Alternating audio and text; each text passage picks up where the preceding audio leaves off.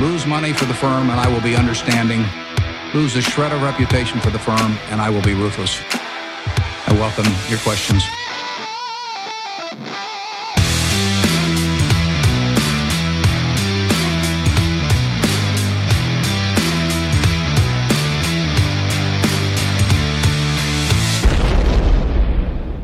Välkomna till Kvalitetsaktiepodden. Det är jag som är Ola. Ja, och helt oväntat är det jag som är Klas. Det här är avsnitt nummer 93 som spelas in torsdag den 27 maj. Ja, vi, 93! 93 Vet du vad det Ola! om jag tänker på 1993 då? Mm, är det bra låtar igen? Nej, för fanken vet du vad som hände då? 93, eh, då... Ja, Det är många saker i och för sig. Bill Clinton blev president, men Oj. jag tänker på att Postverkets monopol eh, på, brev, på brev eh, upphörde. Var det då vi fick ryska posten? De här som kör runt i Stockholm. Ja, med- nej, Televerket blev Telia vet du. Oh, Det var 19... det är så länge sedan. Ja, det var 1993. Sen Ja. sattes de ju på börsen då eh, i piken på Mm. IT-bubblan där våren 2020. va? Eller Folk. vågen 20, våren 2000. Mm. Folkaktien. Mitt i IT-kraschen 2000. Fy. Smack bara. Aj, aj, aj, aj, aj. Ja, ja, nej, det är om Postverket eh, och eh, Mm. tele, Televerket som blev Telia. Ja. Mm. Mm. Men 93 alltså. Mm. Det är härligt att vi har de här avstånden eller avsnitten ett tag nu när du kan relatera till årtal Ola. Det blir tungt när vi kommer upp i avsnitt 100 sen. Ja. Det blir inte lika lätt så vi får verkligen passa på. Ja, så Postverkets monopol, glöm aldrig bort det. Postverkets monopol på brev upphör och Televerket blev Telia. Det, är- de två grejerna hände. Mm. Ja, Och det var också det enda. Mm. typ. Ja, Typ. Ja. Eh, vi lägger ju rapportperioden bakom oss nu ja, det gör vi. och eh, blickar framåt. Mm. Ja, vi har väl lite, lite skvättar kvar från den fortfarande, men det här är ju eh, ytterligare en härlig ljus svensk sommar Ja, vi ser framför oss. mm. Och då får vi också sommarbörs. det brukar ju vara så. Ja. Ja, det tänkte vi ta lite under Aktuellt. Mm. Eh, och eh, ja. Sen senast då. Så Ja. har jag ju förutom årets golfpre- golfpremiär. Mm. Jag har ju inlett lite ombyggnad, ombyggnads, ombyggnadsarbete. Jag kan inte prata Ola. I ett badrum på källarvåningen. Mm. Och kan meddela att det är fortsatt högtryck i hantverksbranschen. Ja. Mm. Att få någon att ta ett pyttelitet kakeljobb i Linköpingstrakten är i det närmaste omöjligt. Mm. Mm. Jag har ju som tur en, en lokal VVS-firma i alla fall som, som klämmer har- in mig som mellan lite liksom andra jobb. För att barmhärtighet. Ba, ja, barmhärtighet. det är liksom så man känner. Ja, Ja. jag, för där går min gräns. Jag skulle aldrig fixa med rör eller avlopp. Nej. Men lyssnare till den här podden vet ju hur det brukar gå då. Ja, när du När jag gör, kör Martin Timell När jag gör Martin Timell-stuket. Och då menar jag då inte det är- här andra, utan då menar jag Bygg hemma. Bygg hemma Mm. grejen. Ja. But here we go again. Klasse Kakel at your service. du, jag kan tänka mig att vi kommer komma tillbaka till det här i ett, ett makroinslag. Ja, herregud. Mm. Ja. Mm. Vad har du gjort sen senast Ola? ja, jag har väl återgått till lite mer normal tillvaro va? Eh, Efter den här lockdownen. Golfspel här nu och fotbollsmatcher för laget jag tränar och grejer. Ja, vi har ju haft eh, lokal lockdown här i Östergötland. Ja. Regional lockdown. Ja. Men inte mer. Nej, så att det är lite mer normalt. Bokat resa till Spanien också här Oj, i oj, sommar. vågar du säga det? Nej, så att det... Ja, Mm. ja. ja, men det ska det ju vara. Du brukar ju hänga där så att. Ja, och jag är nu också klar här lagom till den här upp, uppöppningen av samhället med att lägga in hela min skivsamling här då på Discogs va? Ja. Eh, så att, eh, ja, jag har ju alltså enligt Discogs då eh, över tusen skivor då hemma va i, i samlingen. Mm. Och du Och- delar den uppfattningen. jag delar den uppfattningen. Ja. Ja. Alltså nu gäller det bara att ladda ner den här så att inte liksom Discogs upphör som har gjort eh, ett par veckors arbete helt ogjort. Ja, ja, Eh, nej, det där. Det där behöver du inte vara rädd för. Det där är ju musikälskarnas svar på börsdata, Ola. ja, det är det Så faktiskt. att eh, den, den Ja. kommer vara för ja. evigt. Nej, men så att det känns bra tycker jag. Härligt! Mm. Några andra som det känns bra för, vet du vilka det är Ola? Eh, Kavaljer. Ja, Ja, vi har ju det- som vanligt med oss vår huvudsponsor Cavalier AB. Ja. Och eh, de är ju inte bara med här hos oss då, Nej. utan deras utmärkta resultat har ju gjort att de också, ja de har synts både här och där på senaste tiden. Nu senast i Omni Ekonomi i söndags. Okej. Mm. Där rubriken var Bästa Sverigefonden satsar på Ratos, Kindred och Dometic. Ja, det, är- Mm. det är kul. Det handlar ju naturligtvis om Cavalier Quality Focus som är upp 31% i år sedan årsskiftet och toppar Sverigefonderna på Morningstar. Underbart. Kul! Mm. Kavaljer alltså. Ja, och på kavaljer.se då under rubriken om oss har de lagt in en liten sida eh, som heter Kavaljer i media. Ja. Det kommer ner en liten rullist där när man ställer sig över den och måste då. Ja. Eh, och där kan man läsa om vad andra har skrivit om Cavaliers fonder. Mm. Mm. Och när man ändå är där, då tycker jag man bör titta närmare på deras månadsbrev för eh, fonderna eh, Quality Focus och deras Cavalier Investmentbolagsfond Mycket bra. som också har gått bra. Mm. Och de ligger ju under rubriken fonder då. Mm. Mm. Det tycker jag man ska göra. Ja. Eh, och sen ska man också komma ihåg att historisk avkastning i fonder inte behöver vara en indikator på framtida avkastning och att ni kan förlora delar av ert satsade kapital då fonder kan gå både upp och ner i värde. Tack säger vi till vår huvudsponsor Cavalier AB. Tack. Mm. Då tänker jag säga så här va, Mm. att innan vi går vidare i avsnittet så vill vi påminna våra lyssnare om att aktieinvesteringar alltid innebär ett stort risktagande. Aktier kan både gå upp och ner i värde. Satsa därför aldrig kapital på aktier som du inte är beredd att förlora. Det vi säger i podden ska aldrig betraktas som köp eller säljrekommendationer. Gör alltid din egen analys av bolagen innan eventuell handel. Ja. Då är vi redan inne på bolagsdelen Ja. och vi brukar ju prata lite aktuella grejer. Ja. Och eh, mer aktuellt än eh, sommarens antågande här efter allt regn. Herregud. Har vi väl knappt. Vad det har regnat. Ja. Ja, jag trodde det var stockholmarna som hade tagit smällen men nu får vi ju se att våra östgötska golfbanor Ligger är under vatten. Så nu börjar det bli Mm. personligt där. Ja. ja är fan, nu är det fan personal alltså. Ja, nu är det personal. Mm. Eh, men, nej, ja, men sommarbörs. Ja men kollar du väderprognosen här nu så är det ju fint framåt här va. Så Mm. att eh, Och då kommer det inträda. då kommer det inträda stiltjen. Mm. Va, vad innebär det här Claes? Va, va, va, vad, Vad sommar, tänker, vad- tänker du på när du tänker på sommarbörs? ja, alltså framförallt så brukar jag så tänker jag på det här klassiska sell in May and go away. Ja, som, som eh, det har vi pratat om som har gått förut. Det roliga är ju att den är ju sann rent statistiskt och det roligaste är att om du tittar typ på all världens börser så är det mest sant för Stockholmsbörsen. det är verkligen som verkligen underperformar, Underpresterar ja, underpresterar sommarmånaderna. sommarmånaderna med, med en peak i dålighet i augusti, september, äh, juli, augusti. Mm. Eh, så, så det tänker jag ju mycket på eh, och jag tänker väl att det är liksom den svenska väldigt förmånliga semesterlagen. Ja. Och, och eh, kanske som är ännu värre i den här men du vet att det svenska ordspråket är köp Mm. till sillen, sälj till kräftorna. Ja, det var ju dit jag skulle komma. Det, vilket är, är det något tvärtom. man har lurat på folk ja. eller vad, vad fanken? För det är ju, det är ju jättedumt. Ja. All, all, om man hade haft den strategin med en indexfond Mm. så hade man ju legat back de senaste 20 åren. ja, det är inte man kul. hade inte, inte haft igen sin hundring liksom. Nej. Bara en en indexfond som hade legat inne från liksom oktober till maj hade ju klarat sig brutalt bra sista 20 åren. Ja, jämfört med... Mm. Ja, nej, men det mest intressanta för en värdeinvesterare tycker jag, eh, det är väl liksom de här historiska mönstren är alltid svårt att veta vad det Ja, ja. innebär framåt. Men likviditeten dras ju ofta undan då från framförallt de mindre bolagen Mm. på sommaren. Folk är inte lika aktiva helt enkelt. Eh, Rosé-rusig sitter man på någon strand och eh, tittar på vågorna va? Ja, nej, proffsen brukar säga att likvid- likviditeten torkar upp. ja, Mhm. nej men så att, så att liksom, den grejen kan ju ge köplägen. Är det någon som vill sälja ett mindre bolag, ja då kan det faktiskt gå ner några procent. Det är liksom ingen som riktigt fångar upp det där va. Mm. Och om den här lägre likviditeten dessutom sammanfaller med en generellt svag börs, som till exempel sommaren 2011, för de som kommer ihåg det, Mm. då kan det bli riktigt intressanta lägen. Li- låg likviditet och dåligt sentiment. Så var förberedda. Serves up bargain prices. En äkta värdeinvesterare skulle säga, där rök den sommaren på stranden kanske va? Mm. Mm, Nej, fast, men, fast numera, vi pratade om det senast, det går ju att köra det digitalt. ja. Det, det var den familjefriden snarare. ja. Förr var du inte där, nu är, du, nu är det in, in their face där du sitter och jobbar när de försöker dra med dig på diverse upptåg. Jag kanske har berättat om den här all inclusive resan till eh, Egypten sommaren 2011 som eh, ja, min fru nog kanske inte tycker är... Eh, Det, var- det är inte den roligaste resan hon har haft. Nej, jag tror inte det. Nej.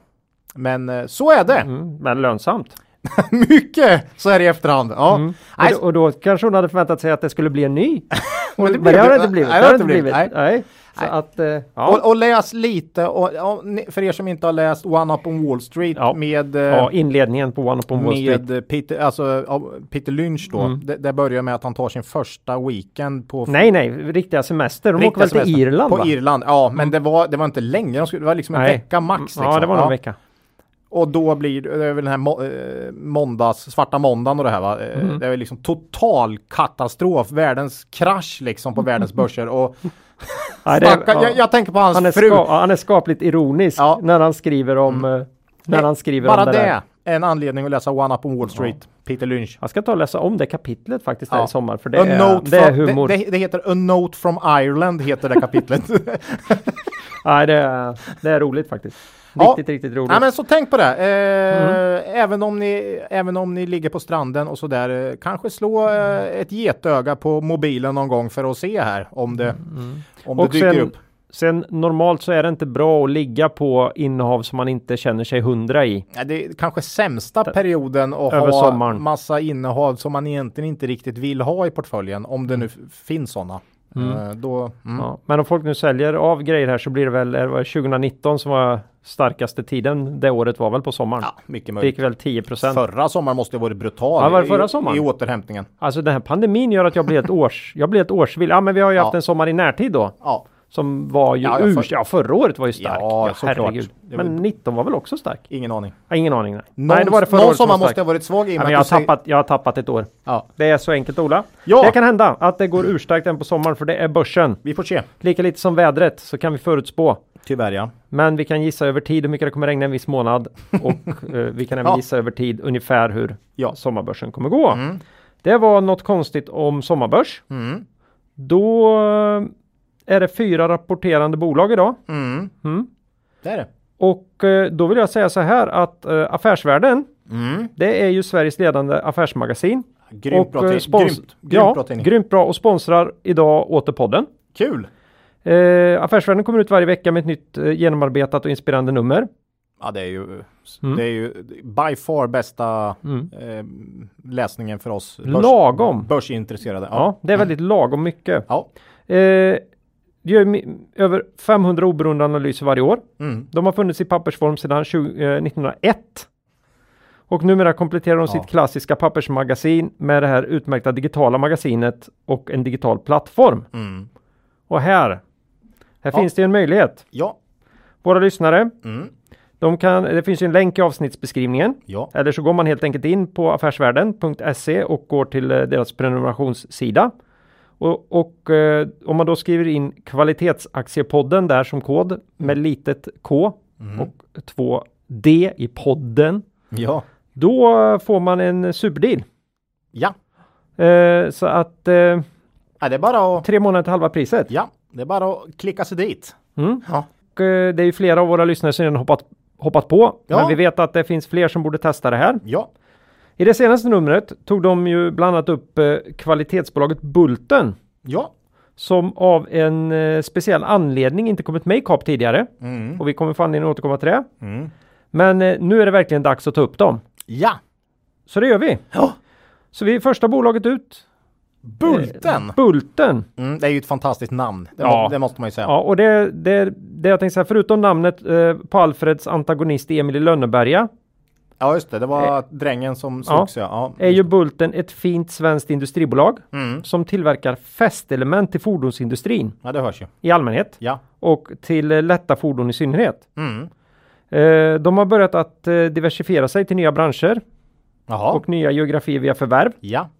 Och eh, de satsar ju också på en mer hållbar produktion Mm. här. Just det. Tydligt med nya produktlinjer med minskad klimatpåverkan. Mm.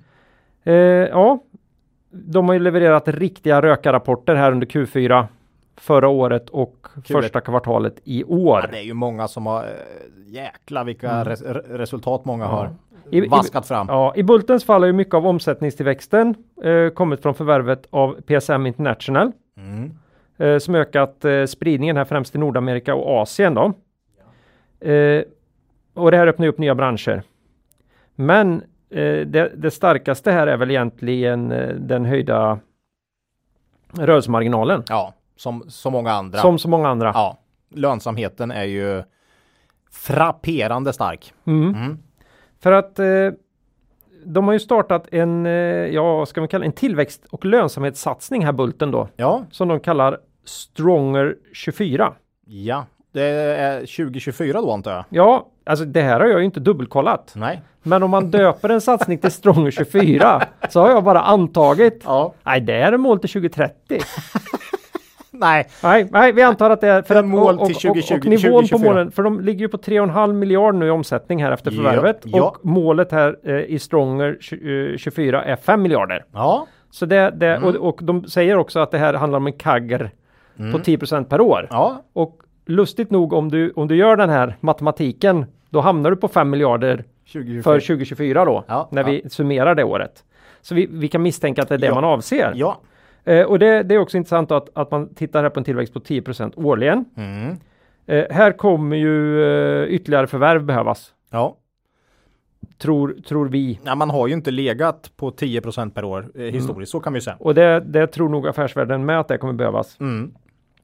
Eh, men det tillåter balansräkningen. Ja. Den är inte speciellt ansträngd idag. Nej. Eh, och eh, ja, man kommer snart ha en kassa. Ja. Igen här om man inte, om man inte förvärvar. Mm.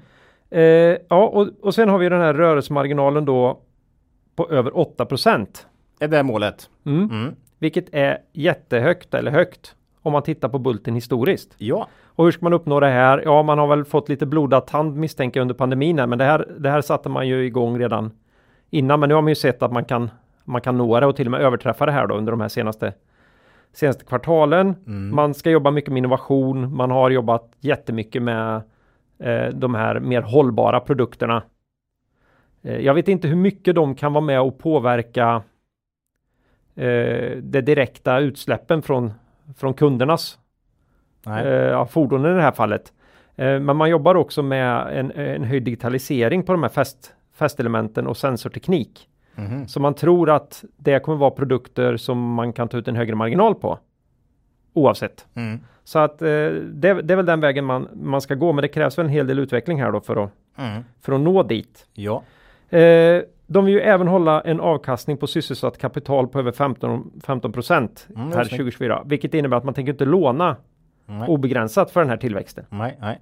Så det kanske finns plats för ytterligare något Ja. förvärv, men inte, Nej, inte inte, någon, inte någon helt ny Nej. eh, Indutrade-variant här. Det är, inte det, vi, det är inte det vi tittar på här. Nej. Mm.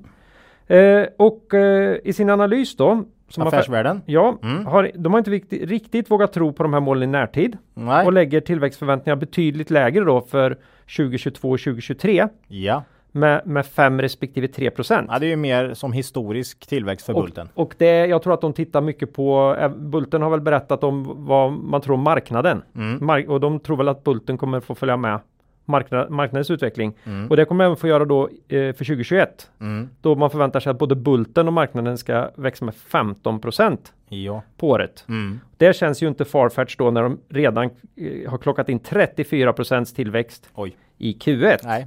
Just det. Men vi vet ju då att de möter ju ett stentufft jämförelsetal redan i Q4 om inte annat. Och Ja, även Q3 Eller var... redan, redan. Men Ja. hösten, som, f- som för så många andra bolag, blir ju Q4 framförallt tufft då. Mm. Så, och affärsvärden, de är ju försiktigare även när det gäller rörelsemarginalen. Mm. Här, här vågar man hoppas på att man ska kunna uppnå 7% framåt. Okej. Mm. Eh, ja, och med de här gissningarna om framtiden skulle Bulten göra strax över 10 kronor per aktie i vinst. 2022. Ja, kommande år, Mm. både 2022 och 2023. Okej. Eh, och eh, ja, men P10 då? P10 ungefär kostar ju 106 spänn. Ja. Ungefär när vi gick in här idag. Nej, inte dyrt. Nej, och det är ju lågt Ja, utifrån Bultens historik. precis.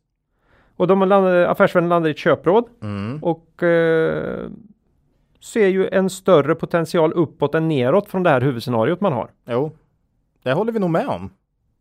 Men vi har ju en... eh, Ja, bolaget själva då Ja. kan vi ta först. Mm. Om vi rakt av tror på bolagets mål Mm. för 2024 här Ja. så handlas de just nu till eh, P 7,3. På 2024 års vinst eller? Ja, Mm. och det är ju otroligt lågt. Nej, då skulle de ju kunna gå upp 100% Ja. till dess ungefär. För det till- innebär ju också att man har en, en, en kagre på 10% i tillväxt. Ja, då handlas man säkert P15 där borta någonstans. Eh, Mm. Så då finns det ju, P5, ja. ja precis. då är ju den här aktien tokbillig Ja. om man tror på det. Mm.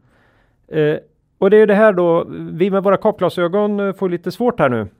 Ja, vi brukar ju ofta då uh, kolla på historiken mer då och inte våga dra ut uh, nuvarande trender riktigt. Eller framförallt då bolagets egna finansiella mål. Mm. Affärsvärlden har gjort en mellanting här. Vi när vi kollar på Bulten då eh, på börsdata så är det ju faktiskt så att vinst och omsättning alltid har skavt för oss Mm. vad gäller Bulten och det är ju därför vi aldrig har riktigt kommit till skott. Nej, Många som har efterfrågat Bulten men den här stabiliteten vi eftersöker och, ja, och tillväxten. och tillväxten har inte varit där. Nej, för, gå in och kolla på vinst per aktie på börsdata när ni, om ni har börsdata som all, vi hoppas att alla har. Mhm.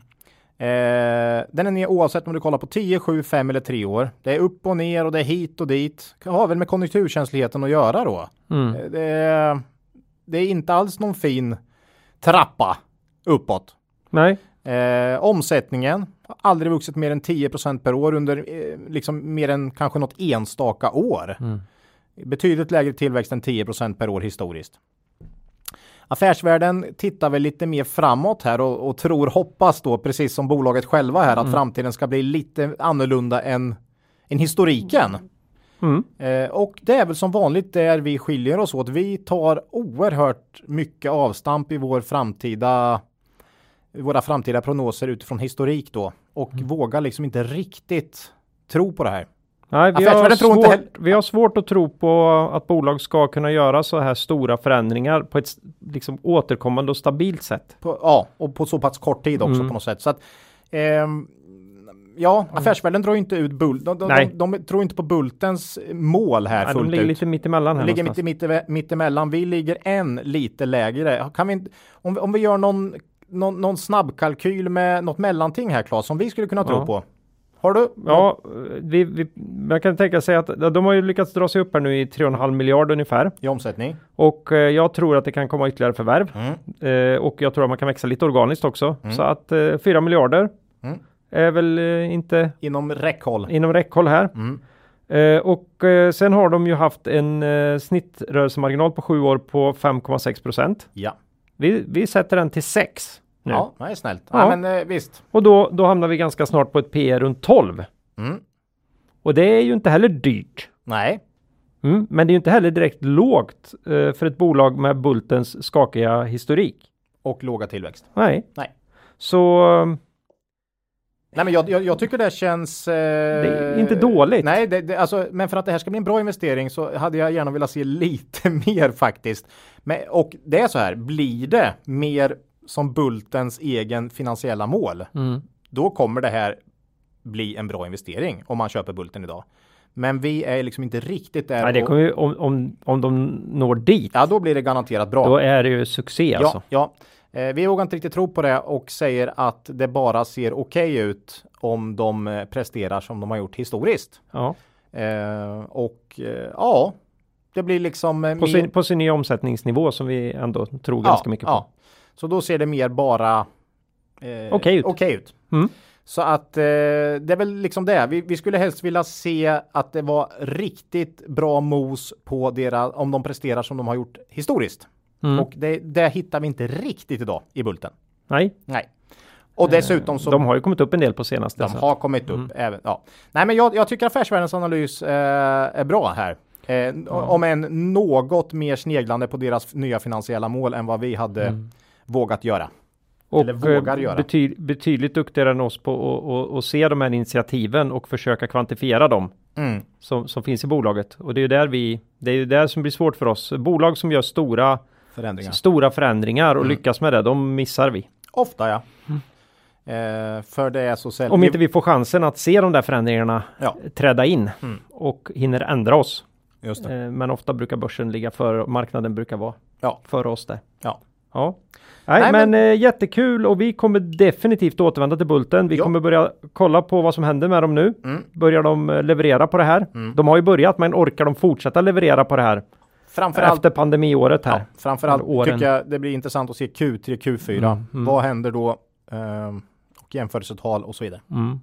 Mm. närmaste fyra tyck, eh, kvartalen tycker jag är Mm. oerhört intressanta. Mm. Ja, nej, det har varit, eh, nej, vi har varit mycket intressanta diskussioner här Ja. när vi har tittat på det här caset Mm. och läst Affärsvärldens analys. Vi har även ett citat här senare i podden som faller tillbaks lite på det här och vad vi, varför vi, Mm. ja, ett citat som har med det här att göra. Så Ja, det kommer, kommer vara en chock för lyssnarna att vi har letat reda på ett citat som, som, Som- som- ger oss stöd i, I- våran I våran, udda Ja. syn. Ja. Ja. ja, Ja, hur som helst, tack säger vi till Affärsvärlden. tack. Mm. Eh, vi hoppar vidare till nästa bolag. Mm. Det har blivit dags för Lammhults, eller titta tillbaka på Lammhults. Mm. Eh, det här är ju kvalitetsmöbler för kontor, offentliga miljöer och bibliotek. Mm. Och de var ju med alldeles nyss här i avsnitt 90. Ja, Och eh, då var vi inför rapport Mm. och nu har vi fått en rapport. ja. La, Bulten i Bo och Lammhult vet du. Det ja, är det är, vi, är, vi håller oss som vanligt Ja, ja. i, i de trakterna. Mm. Nej, men vi pratade ju Lamm, det var inte länge sedan här då. Eh, nu har ju Q1 släppts här också. 2020 som vi sa då sist vi pratade, det är bara någon månad sedan va? Ja. Eller två. Eh, 2020 var ju verkligen inget bra år då. Möbler och kontor till offentliga platser då. Eh, inte alls särskilt kul såklart. Läser man Q1 så är den dock ett steg i rätt riktning. Eh, med Q1 tycker jag också det är intressant att orderingången inom bibli- bibliotek är den som ökar. Eh, ökar. Mm. Eh, man tappar fortfarande på eh, kontor, Mm. men bibliotek, det är nämligen där man har bäst lönsamhet. Så att eh, orderingången inom bibliotek ökar borgar ju ändå för att marginalerna skulle kunna bli lite bättre framöver. Va? Bolaget flaggar dock för den här globala råvarubristen som så väldigt många pratar om. Mm. Och man säger att det skulle kunna då få effekt såklart på lönsamheten. Bruttomarginalen sjönk också i kvartal Q1 här. Och man säger att det beror på ökade råvarupriser och transportkostnader. Mm. Det är väldigt många som pratar om det här nu. Eh, Ja, det är man- dyrt att skicka gods alltså. ja, och dessutom är det dyrt med eh, råvaru, Mm. råvarorna liksom. Eh, man säger att man kan behöva se över prissättning mot kund. Mm. Eh, men när jag har läst den här Q1 då så är det nog att summa summarum så landar vi på exakt det vi sa för en månad sedan. Jag har inte förändrat någonting egentligen jämfört med eh, avsnitt 90. Då sa vi 4,50 vinst per aktie för i år. Jag tror på exakt samma nu. Mm. Q1 blev ganska mycket inline med våra estimat med andra ord. Eh, PE 8,9. Mm. EV ebita uppskattar jag till under 5. Ja, det är billigt. Det är ju billigt. Mm. Eh, I de här uppskattningarna har vi inte räknat med några förvärv för Lammhults och förvärv är en viktig strategi för Lam Lammhults så det skulle kunna komma. Man har en bra balansräkning. Finansiella mål på omsättningstillväxt är på minst 10% per år. Tre organiskt och sju från förvärv visar också lite på att Mm. förvärv är en viktig del här. Eh, lite som vi pratade Malmberg senast, lite som vi pratar Bulten nu. De här eh, finansiella målen är ju en bit över Vad man brukar göra historiskt. vad man har gjort historiskt. Mm. Lönsamheten på 8% rörelsemarginal har man ju nä- ja, man var nästan där innan pandemin. Mm. Eh, men, men historiskt om man ser 10 år tillbaka så har man inte alls legat där.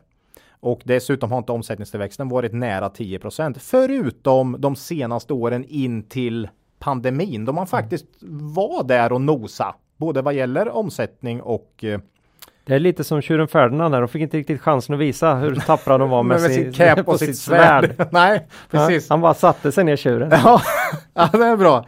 Eh, jag tror precis som med Bulten. Mm. Man ska vara försiktig med att liksom eh, dra ut, tro på de här målen fullt ut då. Eh, men till skillnad här då från Bulten så tycker vi att det historiska snittet eh, på lönsamhet det räcker Mm. för att det ska se riktigt billigt ut här. Eh, på i år så har jag 8,9 då i PE Mm. och det är inte på någon, någon drömmarginal. Nej, vi räknar med att Lammhus kanske kan mäkta med 6-7 procent vinsttillväxt per år framåt. PE, ja 12-13 någonting. Mm.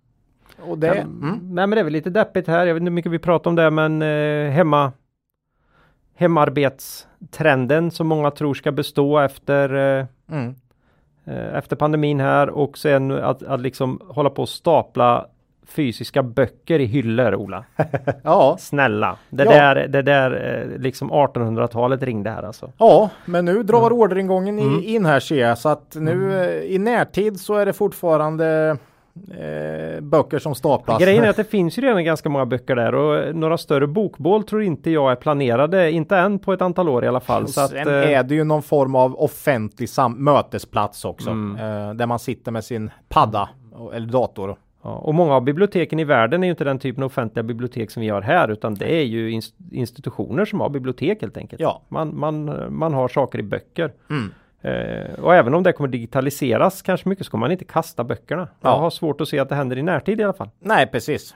Nej, Mm. men, nej, men alltså om vi kollar liksom på värderingen här så finns det potential tycker Mm. vi Mm. till för en uppvärdering och når man sina finansiella mål då då är det ju klart, då är det ju väldigt, väldigt billigt. Mm. Precis Men lite, räknar lite som Bulten där då. Eh, Att skulle man nå dit så är det ju riktigt billigt liksom. Nej, men jag, lite, jag försöker säga att eh, jag tror inte vi kommer få något gratis här. Det här blir som Nej. i, i Loomis va? Ja, Att det är siffrorna, bolagets siffror kommer behöva Mm. Ja. tala. ja inget Så gratis. de, det kommer inte komma något gratis här utan här, här måste bolaget leverera Ja. och leverera starkt. Ja, och det är lite där, alltså Lammhults aktie då, om vi kollar på den, den handlas till skillnad från mycket annat på väldigt låga nivåer om man kollar femårsgrafen. Mm. Det är ju nästan bottennivåer fem år, till skillnad från allt annat som nästan har vänt upp då. Det har ju gått ganska bra Ja, på senaste. det här är en coronaförlorare, Mm. men marknaden vågar inte ens tro på att de ska bouncea tillbaks här. För liksom, ja men Mm. du vet, kontor och bib, du hör ju själv hur illa det låter. Ja, det där är, Eller hur? det, det, det är inte framtiden Ola. Samtidigt som jag säger det så vill jag då ändå säga här att vi har köpt in en del Lammhults senast vi då pratade om Lammhults för någon månad eller två sedan. Mm. Eh, vi tycker liksom att det ser för billigt ut nu och eh, chansar helt enkelt på att man, eh, man får ett lite bättre år och framtiden blir mer som historiken då. Mm. Helt enkelt. Ja. Men, eh, när det gäller bibliotek vet jag eh, för lite. Där litar jag på bolagets eh, Mm. förväntningar. Ja. Men när det gäller den här tron på att vi kommer jobba hemifrån i någon sån här vansinnig utsträckning i allmänhet. Mm. Nej, jag hoppas att Det, det blir... det, ja. det kommer inte bli så. Nej, jag, jag, tror, jag tror också Nej. stenhårt på att det kommer återgå mycket till kontor och, och så. Mm. Och Mm. då ser det bra ut för Lammhult helt plötsligt. Mm. Marknadsmässigt då. Ehm, Det är få mellanchefer som har suttit där ute och njutit. Ja. Många medarbetare har tyckt att det har varit lattjo. ja, Men eh, gör en liten gallup bland svenska mellanchefer i genomsnitt. Nej, jag tror de känner att ah, det hade kunnat varit bättre. Det Mm. hade nog kunnat vara lättare att leda styrkorna än vad det har varit det här året. Ja. Mm. Nej, men Lammhults är väl, om man ska sammanfatta det, ett case med en lo- väldigt lågt värderad aktie på inte så drömsiffror. Mm. Eh, men det finns ju osäkerheter Mm. eh, i marknad. Ny vd ska vi säga. Mm.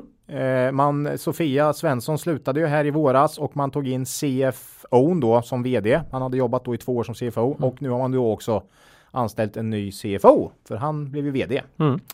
Så det är ju, sen har du den här projektförsäljningen, vilket alltid är lite lurigt i Lammhults, att det är ganska rejäla ordrar ibland som kan slå lite mellan kvartalen. Det är ju inte en miljard småartiklar här, utan Nej. det är ju ganska tunga grejer. Ehm, Och det är ju den typen av försäljning de inriktar sig på. ja, De vill ju inte sälja styckvis Nej, utan de vill ju ta större kommer projekt. en jätteaffär till Kuwait eller eh, Ja, något företag som bara blåser Ja, hela eller skiten. eh, biblioteket Mm. i Alexandria ska Mm. uppgradera. Jaha, då blir det en jätteaffär liksom. Mm. Ja.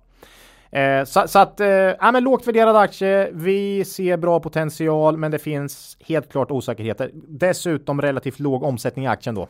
Mm. Eh, så att man riskerar att bli fast här. Mm. Om man köper in sig. Nu har vi braskat det här mycket Ola. Ja, Eh, Jag kände det var viktigt. Så Ja. nu går vi vidare. Ja. Det var Lammhults. ja, Ja, vi äger alltså aktier där. ja. Eh, NGS. Det Ja. är ett en väldigt kort eh, titt på den här. Det här är ju, för vi får mycket frågor till och från om NGS. Ja, det får vi. Eh, det här är bemanning och rekrytering. Ja, men det är för att man tänker, tänk Mm. om de kom tillbaka. Ja. Bemanning och rekrytering inom främst vård och omsorgsyrken. Mm. De var alltså med i avsnitt 77 och då var jag inne på att de kunde vara en så kallad värdefälla. Ja, jag vet. Ja, hur går det för dem Ola? Ja, men eh, varför jag tror också vi får många frågor på NGS är för att vi som bekant har eh, äger aktier i Dedicare då. Mm. Så, som eh, lyssnar. Branschkollegan. Ja, Så det ligger ju liksom nära till hands att de tänker, ja men NGS då, NGS då liksom. Mm. Vad hände där liksom? Eh, nej men sen du, det var faktiskt du som höll i den analysen i höstas här och det har Mm. det är ju jag som också har förlorat pengar i ja, NGS. det har faktiskt inte gått särskilt bra Nej. för NGS. Det har fortsatt gått dåligt för NGS Mm. som bolag. Aktien är dock upp. Eh, och Mm. det har väl att göra med hela återhämtningen på börsen. Den var ju Mm. extremt lågt värderad här i förra, under förra året då. Egentligen har det inte hänt så mycket mer. Du hade ganska rätt där. Man vill se en vändning. Det har inte kommit någon tydlig vändning. Eh, omsättningstappet fortsätter. Vinsttappet fortsätter. Man lider ju av samma sak som Dedicare gör i Sverige. Till skillnad då bara det att eh, NGS har nästan all omsättning i Sverige. Ja, och, och Dedicare har andra ben att luta sig på. hade Dedicare haft all sin omsättning i Sverige, då hade det ju inte varit ett roligt case. Nej. Nej. Ehm, under 2020 tappade NGS 20% i omsättning, 40 i resultat. Q1 minus 6 omsättning, 50 i ebit. Inte kul. Det är tungt. Vi gillar inte, jag säger det igen, vi gillar inte att investera i verksamheter i fritt fall. Och därför fortsatte vi ju liksom avvakta och bevaka den här. Det gäller dock att vara med här för att se om det vänder. Då kan nämligen avkastningen bli väldigt fin ju. Mm. För att skissa lite på potential i NGS bara. Om, du Mm. vet det här om. Det, det var den jag gjorde senast med. Ja, Mm. så kan man, eftersom nuvarande lönsamhet är så låg så tar man bort lönsamhetsmåtten. Man kollar bara på PS här då. Vad har omsättningen värderats till i NGS historiskt och vad värderas den till nu? Mm. PS NGS just nu 0,38. Under perioden 2013 till 2018 låg PS på 0,55-0,6 då. Bara det här är ju en potential på nästan 50% upp. Mm. Om den ska tillbaks till liksom normal värdering av omsättningen. Eh, men då ska du veta att omsättningen har ju rasat senaste åren i Sverige så att bara om Sverige vänder lite så ska ju förmodligen omsättningen upp också. Mm. Så stigande omsättning och dessutom ska omsättningen då värderas högre än vad den gör nu. Så att man förstår att Ja, det, det, är inte konstigt att man lurpassar på det här nej, det är bolaget. en ganska substantiell potential som finns om det här då skulle vända tillbaks. Jag tror NGS, precis som Dedicare, borde ha varit en nettoförlorare på pandemin. Mm. Ehm, mm. Eh, vi köper inte aktier där det ser så svagt ut i verksamheten just nu som det gör i NGS. Men när det vänder, om får vi säga, det vet vi ju inte än. Om det vänder, då är det viktigt att hålla koll här, tycker vi.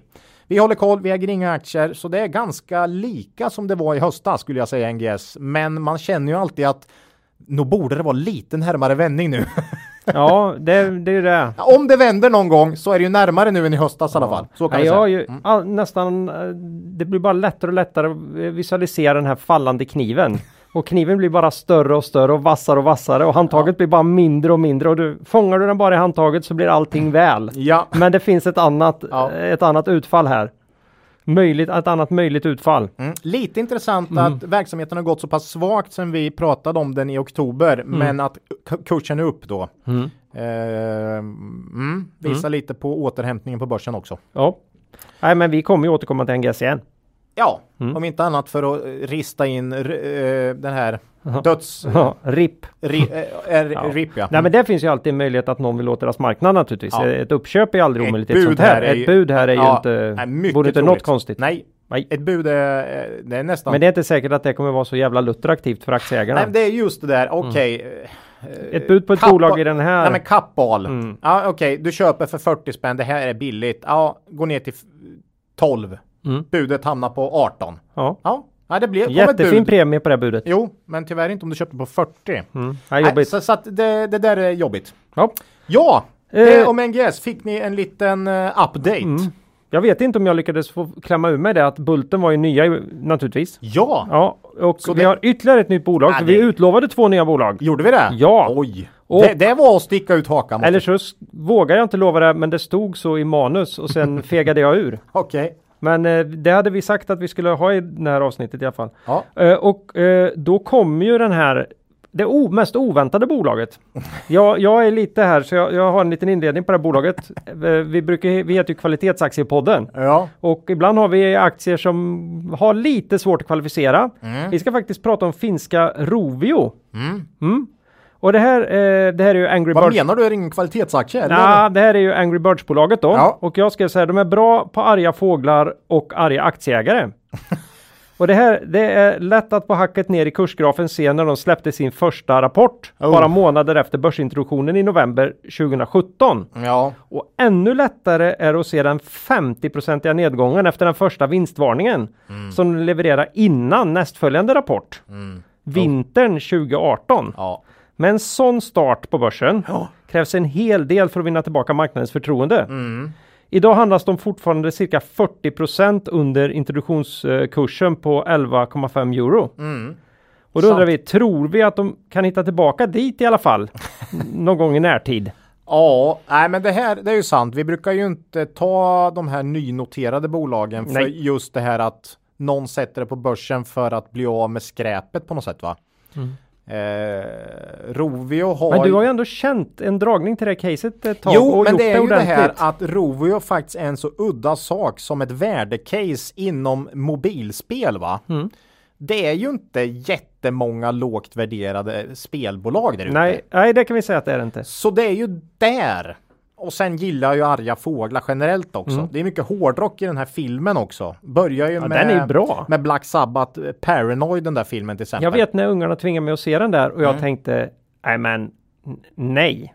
Nej, men, nej. Och, och sen så kul. satt jag och Ja. insåg att fan jag, tyckte, jag tycker ju om det här. Ja, ja. Hur, hur lyckades de med det? Uh, Nej, hatten av inte. alltså. Ja, ja, hatten av.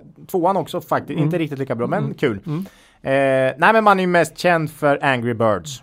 Eh, och det är ju det här mobilspelet. Det blev ju ganska tidigt en global succé. Det Ja. måste ha varit... Eh, Det funkade så fruktansvärt bra på tidiga, tidiga iPhones. iPhones. Ja, precis. Och det lade ju grunden sen för filmer, gosedjur, eh, you name it. Mm, Ja, Eh, det, det, det har blivit massor va. Man har gjort flera uppföljare till spelet. Man har ju en hel familj med olika Angry Birds varianter nu. Det är ju inte bara ja man här... gjorde väl Angry Pigs ganska snart Ja, nej men det är absolut inte bara slangbella utan det är olika, Ja. det är ju Ja, mass, ja. mängder olika eh, grejer då liksom. Mm. Men jag gillar ju grisarna va? Ja, precis. Största spelet just nu är Angry Birds 2. Nej, nej det är starkt. det är starkt. Ja. Eh, man vill bredda sig. ja, men det lite har det ju den här, fast, fast samtidigt de här spelen visar på en oerhörd livslängd och Ja. dessutom har, alltså det finns något med varumärken även här. Angry Birds är liksom ett upparbetat varumärke så när Mm. de släpper Angry Birds bla bla bla så blir det ändå något som många verkar testa liksom. Eh, Och, och det är lätt att komma tillbaka. mm, Jag, jag började för typ för fyra, kan det vara tre eller fyra somrar sedan så spelade jag något av de här golfspelen som finns. mm. Heter väl Clash of Titans eller något sånt där. Det har ingenting med det här bolaget att göra. Men eh, ja, och sen så spelar jag inte det på ett helt år. Sitter man där på sommaren och har lite tråkigt och tänker, fan det där var, var inte det lite skoj? Mm. Ja men så är man Ja, så man kör tillbaka till Nu kanske, man inte jag, nu kanske inte jag är en sån som då trycker in pengar i det där spelet. Nej. Men eh, jag har betalt för saker i andra spel och det skulle mycket väl kunna hända om jag fastnar rejält igen. Så man, det finns ju där. Ja. Det är så etablerat i en. Så, så, och, och Angry Birds finns ju i allmänmedvetandet på något sätt för det var ju en sån jäkla grej. Ja, och de befäster, de ska göra någon tv-serie nu med va? Ja. Så, Nej, så de kämpar bef- på. De befäster det där. Spelen utgör dock en förkrossande majoritet av omsättningen här. Man var faktiskt, jag tror man var uppe och snudda på typ 10% av omsättningen som var eh, merch och, fi- och film och grejer. ja, ett tag där. Mm. Men nu är, det, nu är det 97% spel. Man har liksom senaste tiden, nej, core. Vi måste satsa på core och man har jobbat nu, nu ska Angry Birds 3 fram. ja, nej men och man har satsat på lönsamhet. Man har ju en fruktansvärd lönsamhet om man drar ner på utgifter Ja, här, ja. för det, det, det ligger ju och tickar in liksom. Så att eh, jag, jag tror det är lite det som har gjort allting. För, förutom det du sa, att man introducerades och liksom man, man började med att få arga Mm. aktieägare på något sätt. Va? Man, liksom, marknaden blev eh, sur. Mm. Det är ingen bra start och det, sånt hänger i jättelänge liksom. Eh, så, så, så, så tror jag faktiskt att liksom just den här att man inte har vuxit omsättningen. All, man vill att ett spelbolag ska öka omsättningen. Det, är liksom, det ligger i DNA va? Mm. Så när de nu sist, senaste åren liksom har ö, minskat omsättning year on year eh, med cirka 3% i snitt sista tre åren tror jag. Så är det liksom så att marknaden inte, nej, det finns inte. Rovio är liksom inte ett av de här eh, hypade spelbolagen. Nej, det är ju inte bra när man upplever att, att någon har satt något på börsen för att det ska dö där. Nej, Det är inte bra. nej, och sen hela det här som bolaget har gjort nu förvisso med bravur, men vi ska lapa ur lönsamhet här. Mm. Då får man lite känslan, oj, nu ska de liksom mjölka ur det här så mycket de kan tills det går åt Mm. helvete. Men nu, just nu sker ett skifte här skulle jag säga i retorik. Och även synligt då. I i Q1 nu växte spel 10 10 procent Mm. year on year. Eh, och eh, då får man säga tyvärr bara 3-4 procent i euro då. Mm. Eh, för eh, ja, hade valutan emot sig där. Totalt sett steg omsättningen med 1 procent i euro. Så man fasar ut massor av Runt omkring runt grejer. omkring grejer. Men underliggande här nu, spelen faktiskt eh, i lokal valuta riktigt starkt. Och värderingen då, om vi går tillbaks till den här, den är inte hög för ett spelbolag. EV ebit 11, EV ebita 8 senaste fyra kvartalens vinst. Mm. Det är inte dyrt, inte Nej. alls dyrt jämfört med hur man värderar spelbolag generellt. Men det är nog den här tillväxtkomponenten då. Men som sagt, när man läser vad bolaget skriver nu så är det känslan att skiftet går mot tillväxt igen. Och det här tycker jag är intressant. För då kan ju marknaden börja drömma igen om du förstår vad jag menar. Ja, det krävs lite det. Ja, man skriver depending on market conditions, the performance of our investments and the launch of new games, we aim to increase our UA investments to build growth for the coming years. UA är ju använd user acquisitions, Acquisitions. använda förvärv. Man kan gå tillbaka till våra gamla G5 avsnitt Ja. från forntiden om man vill höra mer om sådana. Mm. Man skriver också this may have implication eh, on short term profitability. Profitability. Mm. Så man Det säger kan att kosta. det kan kosta. Så precis tvärt emot vad man har gjort senaste året. Eh, att mm, tappa lite omsättning men eh, få upp marginal och kassaflöde så tänker man nu förmodligen rulla på lite här igen. Mm. Det är liksom känslan. Eh, och vad som var tydligt i Q1, ja 10% upp eh, i lokal valuta på omsättning, rörelsemarginalen ner. Mm. Eh, summa summarum tycker jag det känns ganska troligt att Rovio faktiskt skulle kunna, kunna återgå till tillväxt. Dock med sämre lönsamhet, åtminstone i det korta perspektivet då. Mm. Man ska liksom bygga upp det här det kostar och sen får man lönsamhet va. Eh, jag tror vinst per aktie 2021 blir lägre än 2020. Det är ju sällan något som vi brukar gilla vid investering. Vi har pratat Kindred och det spelar liksom inte så stor roll om aktien är lågt värderad då. För vi vill gärna se att det är ett bra driv i vinst per aktie. Ja, men det är ju en uppförsbacke. Det är lite så. Mm. Men lyfter man blicken här så tror jag, man har dessutom en, jätte, en bra kassa här. Och man har sagt att förvärva spel. Mhm. Det vill säga, Man letar ju överallt efter olika spel där arga fåglar Ja. på något sätt är liksom i konflikt med en annan djurart. Men Ja. det har varit, det har gått sådär så här långt, ja. men man tror att nu det, är, det är bra konflikt med en annan djurart. Den tycker jag är jäkligt bra. Det är liksom det är helt annat, det är kor här liksom. Det- ja, som snor deras ägg.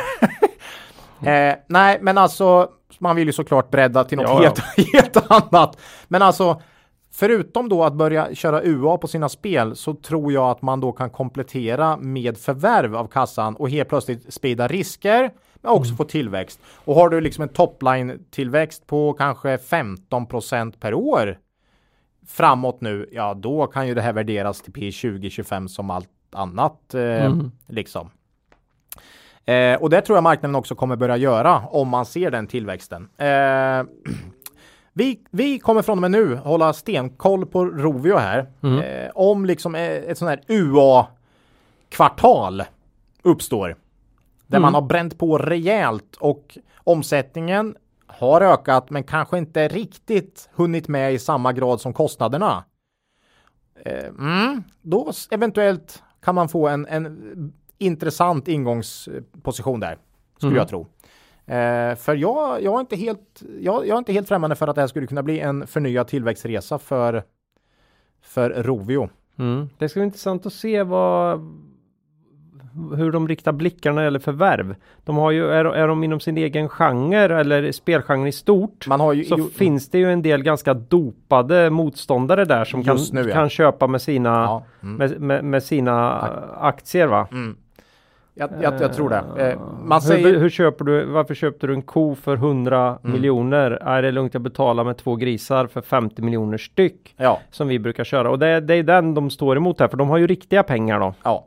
De har cash. Eh, de har cash. Mm. Eh, Och dessutom ingen jättehögt värderad aktie. Nej. Så det är, det är liksom inte klockrent. Men, men eh, tänk ingången 2022 om pandemin har lättat Mm. och, och lite eh, spelbolag har tappat lite. Men har alltså, de har gjort det en gång, har man lite fingertoppskänsla så måste det finnas saker där ute i kanske lite tidigare fas också som eh, Ja, ja, ja, man kan visst. plocka upp och Jo. införliva. Ja, precis. Och kanske försöka driva tillväxt Mm. där då. Ehm, Spekulerade han utan att ha aning. någon som helst aning Ja. om hur den jävla branschen funkar Ja. jag. Jag borde, nej, nej ja, men svårt. Mm. Rovio känns intressant. Eh, Vi äger inga aktier i Rovio här då, men, men eh, får se om det uppstår något läge här under året. Ny vd också, precis som i Lammhults här, ska vi Mm. säga. Så det är ju viss osäkerhet också, så det... Mm. Men, men Ja, eh, fast det kanske behövs en förändring här. Kanske. Så i det fallet så, Ja, ja. så kanske det är precis den sleven som behövs i grytan. Mm. Ja, vi tror på, eh, på vinsttapp i år, men att man eventuellt kan bygga något bra här för kommande år. Ett värdecase. Ett jag tyckte du värdecase. sålde in det här bra. Ja, Till och med till mig. ja härligt, härligt. Ja, Nej, bra Ola. Håll koll här Claes. Ja, inga aktier här någonstans men... Nej. eh, Mm. Nej, jag älskar ju de där små fåglarna inser jag. Det kommer nog sluta med att jag laddar ner Angry Birds 2. Ja, jag, jag har spelat något av de andra med faktiskt. Är det slangbella i Angry Birds 2 eller? Ja, ja. Ja. Birds. Nej, men där har du slangbella. Men jag spelar ju de här som inte har slangbella längre. Det vill säga, liksom, det är helt andra grejer. Du ska alltid vara lite mer, lite mer unik. Lite mer unik. Lite mer unik. Jag är unik. Ja, det var Rovio. Ja. Vet du vad Ola? Nej. Kanske var nå- några som undrar över någonting i början på det här avsnittet. Mm. Jag med faktiskt. Mm. Men vi vill ju som vanligt tacka vår äldsta samarbetspartner. Börsdata. Mm. Värdeinvesterarens bästa vän. Fan, jag blev nästan chockad. Jag trodde, jag trodde du hade glömt bort dem Claes. Nej, jag alltså. bara bråkar lite. Okej. Mm. Kul. Eh, Ja, men ja, börsdata såklart. Herregud. för- vad, vad tror ni? vad tror ni? För ni har lyssnat till podden vill vi som vanligt bara säga att börsdata.se slash terminal är ett utmärkt, för att inte säga ett självklart verktyg för alla värde och tillväxtinvesterare. Ja. Eh, det kommer ständigt nya funktioner Mm. och inom kort kommer det lanseras ytterligare färdiga strategier i terminalen. Det har Mm. ju kommit den här underbara lilla fliken strategier där. Mm. Och här ska man då tolka Warren Buffett och Peter Lynch strategier. Mhm. Jaha, Så den har- George är ju nu. Oj, ja, den har jag inte sett faktiskt. Nej, det har inte kommit än. Nej, nej. Okej. Vi, vi får ju lite beta-grejer ibland, Ja. men det här har vi inte fått. Nej, nej. Nej. okej. Eh, det ska bli jätteintressant att se hur många kapbolag som dyker upp där Oj. och hur många nya Mm. kapbolag vi kan hitta Ja. med de strategierna. Ja. Eh, tack säger vi till Börsdata. Tack. Mm. Eh, lyssnarfrågorna. Ja. Vi har ju inte haft några lyssnarfrågor nu under eh, rapportperioden. Nej. nej. Så då ska vi beta av två stycken. Ja. En lite snabbare och en lite mer omfattande. Mm. Först ut då. Eh, så ska vi prata om inlösenförfarande Mm. eh, istället för utdelning. Ja, vad är- det för vad för otyg? skit? Vad är det för skit? I, och kan ge intressanta effekter också. Gick in och hade ett rejält tapp. Eh, såg att jag hade förlorat massor på min mm, tjänstepension. Va? Mhm. Då, är ju, då är ju Björn Borg nollat. Mhm. För att det har blivit något fel då över natten. Ah, I, okej. I och med att de drog igång sitt inlösenförfarande. Ah, ah, Man kan ju få Ja. Jag tänkte vad har jag? Vad har jag, trodde, hänt? ja, men jag trodde jag har gjort ett feltryck. Ja, ja. Jag har köpt någonting för jättemycket här och sen har Mm. Och det sen gått har åt det helvete. Gått, gått till noll. Ja, men så var det inte. Nej. Så, och det är inlösenförfarandets fel, så jag tycker inte om det. Varför Nej. håller de på så här? Ah, eh, så här då. Mm. Från Avanza här har jag hämtat bara för att få en, en, eh, En bättre röst. en bättre röst än mig Mm. själv då. Eh, en inlösen Ursäkta, en inlösen av aktier kan ses som en typ av utdelning till aktieägarna. Anledningen Mm. till att man vill göra en inlösen av aktier istället för eller utöver en vanlig kontant utdelning är att det kan vara skattemässigt mer fördelaktigt för vissa aktieägare.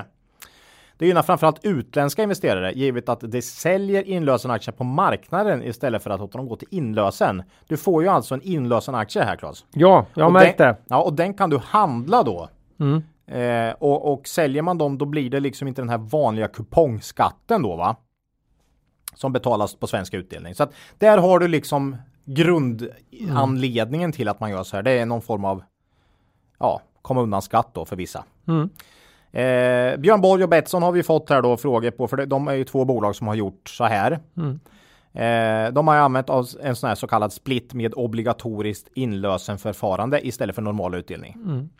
Eh, och det innebär ju då att man delar upp sin aktie i en ordinarie aktie och en obligatorisk inlösenaktie där inlösenaktien per automatik löses in till ett förutbestämt pris när handelsperioden är slut här då.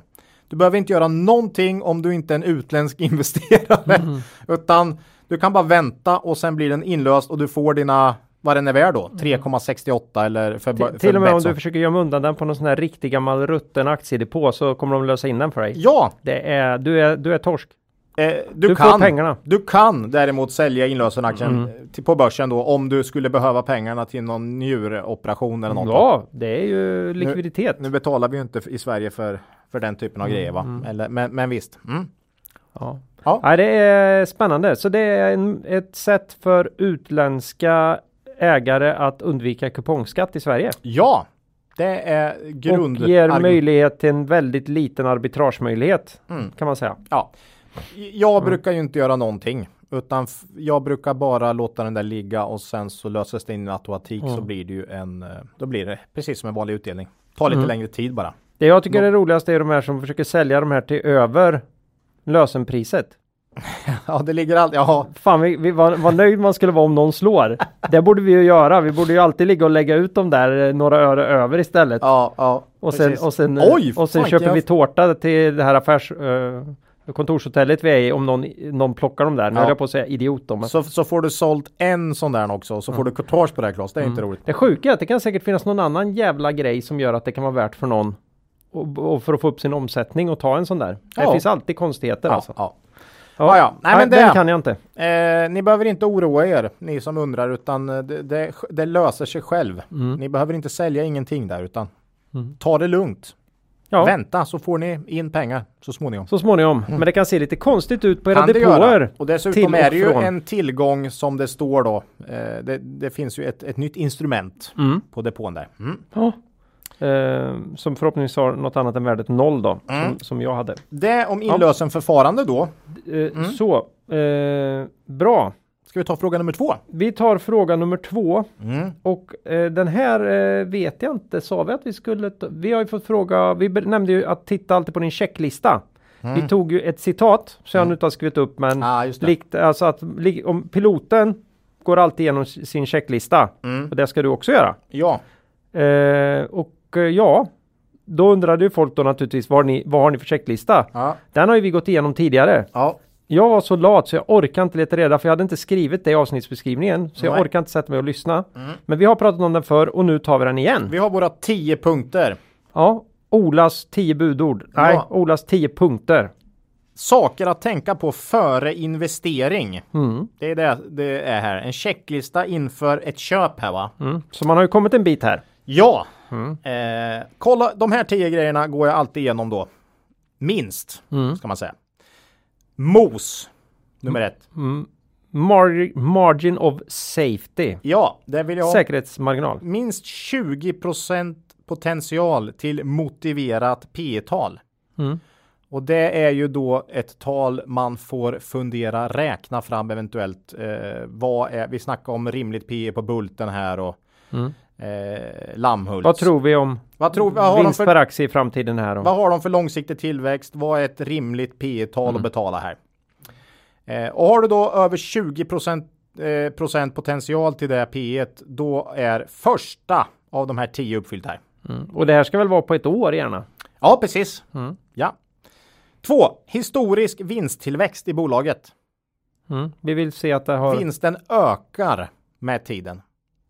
Jag brukar ofta vilja ha minst 5% Helst över 7. Drömmen är alltid 10, men i den här marknaden är det ju nästintill omöjligt att få ihop alla de här 10 om man sätter det. Och här är ju en av anledningarna till att vi eh, alltid sitter med våra Excel-ark parallellt med, med börsdata. Mm. För vi behöver ju rensa för, och, både för rensa och lägga till engångsposter Mm. här. Mm. För att inte det ska stöka till. Mm. Mm. Tre. Här har jag gjort bort mig några gånger, men Mm. inte mer. Kolla på vinst per aktie, inte högre upp i resultaträkningen som ebit eller ebitda när du kollar vinsttillväxt. Bara för att bolagen gillar att peka på det. Nej, för att ja, men Embracer nu till exempel. Mm. Det här är ett bolag ingen pratar om annat än ebitda. Vi skulle aldrig kunna ver- investera i Embracer när vi ser att vinst per aktie sjunker här varje år. Mm. Eh, jag har gjort bort med det några gånger faktiskt när jag har liksom på något sätt tagit bolagets vinstmått och sagt jo men fan det går ju riktigt bra här. De ökar ju vinsten jättefort.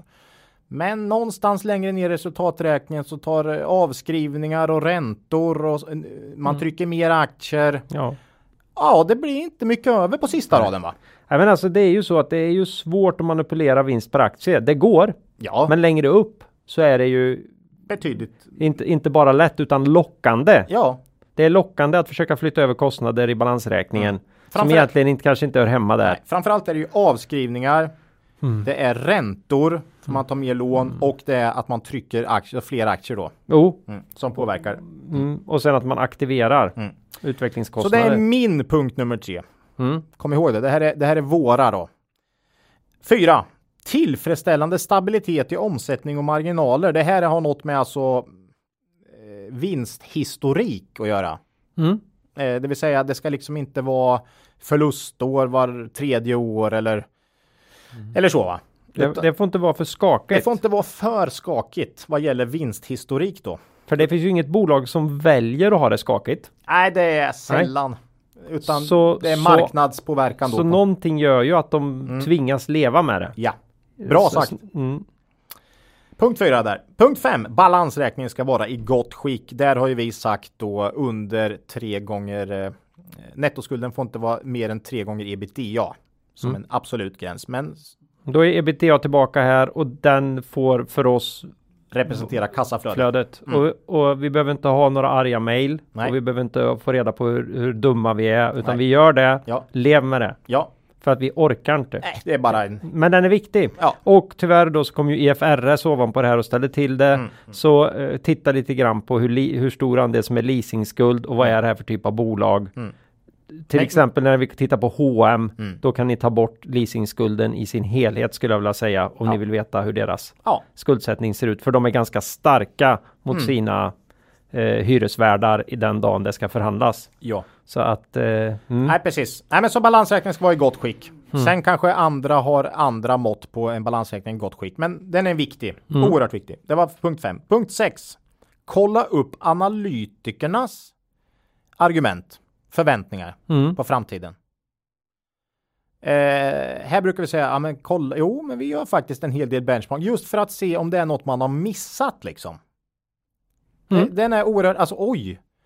Vad fanken, vad är det här? Ja, varför tror de på det här vinst per aktie för nästa år? Ja, de ser att det här eventuellt kommer kunna hända. Ja, Okej. Mm. Sen får du själv då bilda en uppfattning om du tror att det är sannolikt eller inte. Men eh, det är alltid bra att kolla vad andra skriver om bolaget. Och också ett bra sätt att hitta risker man har missat. Ja. Eh, sju. Kolla hur blankningen ser ut i bolaget. Och där finns ju då blankningsregistret på FI Ja, för svenska aktier. för svenska aktier. Mm. Det är också ett, ett skäl till att vi är home bias då på något Mm. sätt. Att Ja, det finns ju. Jag tror att vi vet hur man kollar för de. Norge tror jag varit inne på. Ja, Danmark tror jag man ja, kan kolla. Det finns absolut. Mm. Nej, men kolla blankningsregistret. Det är lite som med analytikerna förväntningar här.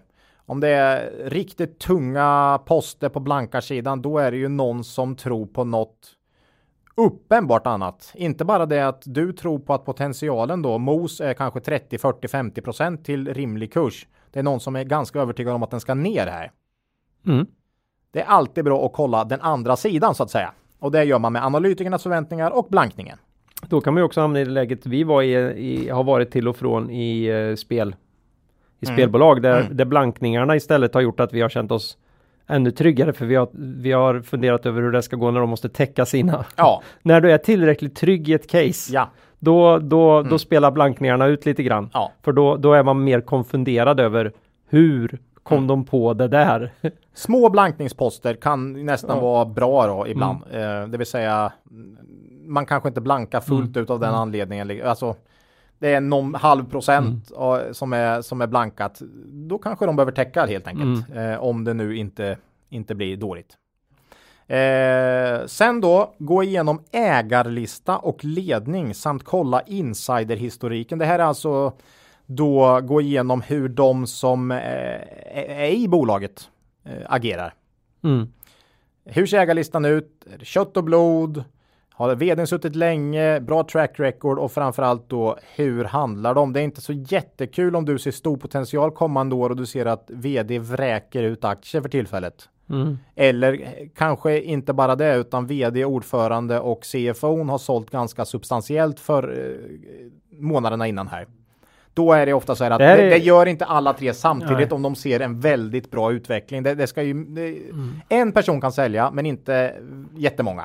Nej, Nej. Det finns ju tusen Mm. anledningar att, att sälja bara än att köpa. Men Ja. eh, om man, det är så sällan det är så här Mm. enkelt. Mm. Men, men det är ju en ganska kraftig varningssignal om, om, om flera ligger på, på säljknappen. ja. Eh, Substantiellt. Substantiellt. Ja. Det, är, Mm. det, det, det kan ju vara ibland att, att det sker försäljningar inom Mm. ägarkretsen eller, eller till folk i bolaget Ja. och så här. Och Eh, det behöver inte vara dåligt alls. Eller för att täcka något optionsprogram. ja. Eller, ja. Mm. Men, det är men, helt okej. men större Men- affärer av storägare och, och insynspersoner. Mm. Ah, mm, var försiktig. Två sista då. Kolla upp bolagets finansiella mål. Mm. Näst sista punkten här. Eh, viktigt tycker jag dels för att se vilka ambitioner, vilka, vad kan man drömma om? Men också, oj, de har finansiella mål som är långt under hur de presterar just nu. Då kanske man kan tänka att det kanske är lite överlönsamt just nu. Mm. Mycronic har ju varit ett sånt case. Till exempel. Mm. Sista punkten, mer av den här, få rätt känsla. Då, där har jag faktiskt, där står det bara rule number one. Never lose money. Den känslan ska finnas där. Och den känslan vet investerare som har hållit på länge ofta vad jag menar med. Men det ska kännas som att mm, om jag investerar här nu ska det jäkligt mycket till för att jag ska förlora pengar om jag bara kan vänta här. Mm. Och när man har den känslan då brukar det ofta vara rätt. Faktiskt. Det Mm. händer ändå att, jag, att det har blivit fel. Men oftast så är det ju rätt om den känslan finns där. Liksom att Mm. det ska väldigt mycket till. Liksom. Ja. Och det är ju så länge, så länge caset spelar ut.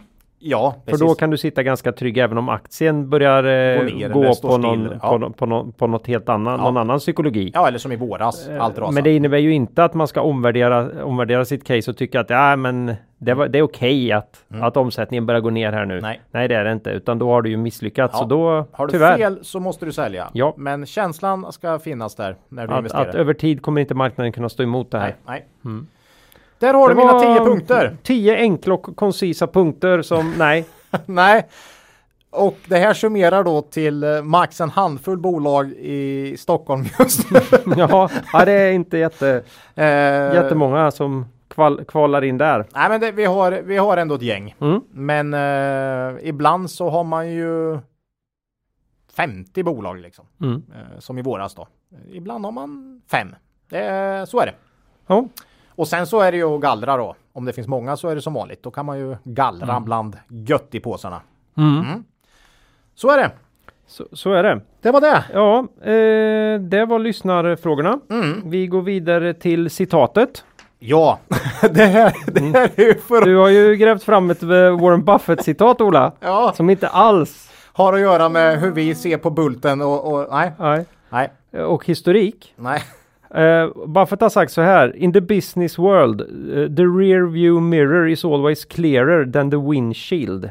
Ja. Backspegeln är alltid klarare än En vindrutan. fram- vindrutan. Mm. Ja, och ja, bara, Och i, i affärsvärlden. ja, Mm.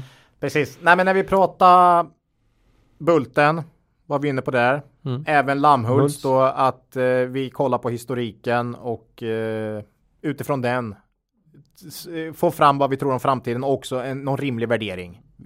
Men de, behöver, även, de vi säger de måste bevisa sig. Ja, det vi säger är ja, vi vill se de här grejerna i historiken. ja, vi vill liksom vi ska. Vi vill se det i historiken, Ja. inte på papper i en eh, årsredovisning. Mm. Eh, att, att man hoppas kunna nå dit. Och likadant i de här tio eh, sakerna inför investering så har du ju historisk vinsttillväxt här. Eh, tillfredsställande stabilitet i omsättning och marginal. Det, det, Mm. det finns ju här. Vi är ju oerhört mycket kollar i backspegeln för att eh, uppskatta framtiden och inte ja, Men sen är vi ju beredda Nej, men vi är ju beredda att bryta mot det där relativt fort. relativt fort Är vi när vi, ändå- när vi mm. upplever att nej, men det här är något nytt. Ja, det är något nytt. Mm. Då försöker vi ändå relativt fort försöka bilda oss en ny uppfattning. Men eh, nej, bara tro på att det ska bli något nytt. Det är oerhört sällan eller aldrig skulle jag säga. Utan eh, Mm. Och just, nu, och just nu har vi ju ännu svårare eftersom vi vet att vi har haft den här eh, pandemin. Är det någon gång vi har haft Ja. en makropåverkan som vi inte supersvårt nu. För kan se förbi så är det ju nu. Den historiska lönsamheten är ju ja, klart lägre än vad de flesta bolagen ligger på nu. Mm. Så, så att här, i det här läget har ju vi väldigt svårt Mm. eh, faktiskt. Ja, Ja, historien spelar roll. historien spelar vi. roll tycker vi och Buffett. Ja, Mm. det var lite det vi ville säga. Ja. Eh, ja, det här poddavsnittet lider mot sitt slut. Mm. Nästa avsnitt kommer ut torsdag den 10 juni. Uppföljning av eh, buy and hold portföljerna. Spä- Ja. Alltid lika spännande. Halvårsgenomgången. Jag kan säga händer det inget dramatiskt kommande veckor här så tror jag eh, Det har gått det bra har gått väldigt långt. bra för årets portfölj. Det är min, min känsla. Vilket är ju egentligen helt ointressant eftersom vi har sagt att den här ska man ha i 18, 18 år. Och ändå är vi som Ja, men iglar. faktum, det är roligt att kolla första, andra, Ja, tredje också. ja. För första är ju uppe på fy... Tre tre år. nu. Mm. Mm. Tre och ett halvt. Tre och ett halvt. Så att, mm, du ser va. Det här, det här blir spännande Claes. Nu, Mm. det, det, här, det här är ett litet barn som springer omkring här nu och Ja. undrar Tre var... och ett halvt år. Blöjan eh, droppas här nu. Mm. Ja, det är, väl spännande. länge sedan. Mm. Det här Ja. är... Ja, det är kul. Ja. Det är kul. Och jag vet att Henrik Ekelund är en av de här små ungarna. Eh, spännande. Mm, hur det har gått. Mm. Mm. Då ska vi se. Eh, ja, det är det som kommer hända då. Ja, något lite bolag också såklart. Herregud, vi kan Mm, inte mm. hålla oss fast där hela avsnittet. Men mm. Men man kan mejla oss på kontaktet kvalitetsaktiepodden.se. ja, Kommentera på Twitter Mm. eller på vår hemsida. Kvalitetsaktiepodden.se. Jaha, slutligen har du något riktigt makro eller TO värt att ta upp idag? nej du då? Nej, Skönt. jag, nej jag får säga eh, lite utifrån som Emils pappa. Mm. Gräserskant har roligt, gräserskant blir julskinka å, sa vi på västgötska. Han sa ju det på småländska, Småländska. men det behärskar inte jag. Nej, Nej, så, Trevligt. så eh, alltid får man inte ha roligt. nej, Så var det idag. ja. Eget ägande, Ja, vi pratar Lammhults här och vi var väl lite inne på Dedicare. lite inne på här när Dedicare. vi pratade NGS va? Ja. Mm. Mm. Ja, jag nämnde ju att jag ägde Björn Borg. Ja, det, Eh, Så det får jag disclaima att säga att jag äger Björn Borg för att jag sa att jag ägde Björn Borg. ja, det gör vi. Mm. Ja, i pensionssparet. Ja. Ja, eh, innan vi skiljs åt då Mm. vill vi påminna våra lyssnare om erbjudandet från Affärsvärlden. Ja, Det går ju att komma åt via länk i avsnittsbeskrivningen Mm. eller på deras hemsida med den här eh, eh, koden kvalitetsaktiepodden med små bokstäver. Ja. Och glöm inte heller att gå in på Cavaliers hemsida och läsa på om deras fina erbjudanden. Men då ska man komma ihåg att historisk avkastning i fonder inte behöver vara en indikator på framtida avkastning och att ni kan förlora delar av ert satsade kapital då fonder kan både gå upp och ner i värde. Ja. Hej då på er och kom ihåg att Det är först när tidvattnet drar sig tillbaka som du får se vem som badat naken. Lose money for the firm and I will be understanding. Lose a shred of reputation for the firm and I will be ruthless. I welcome your questions.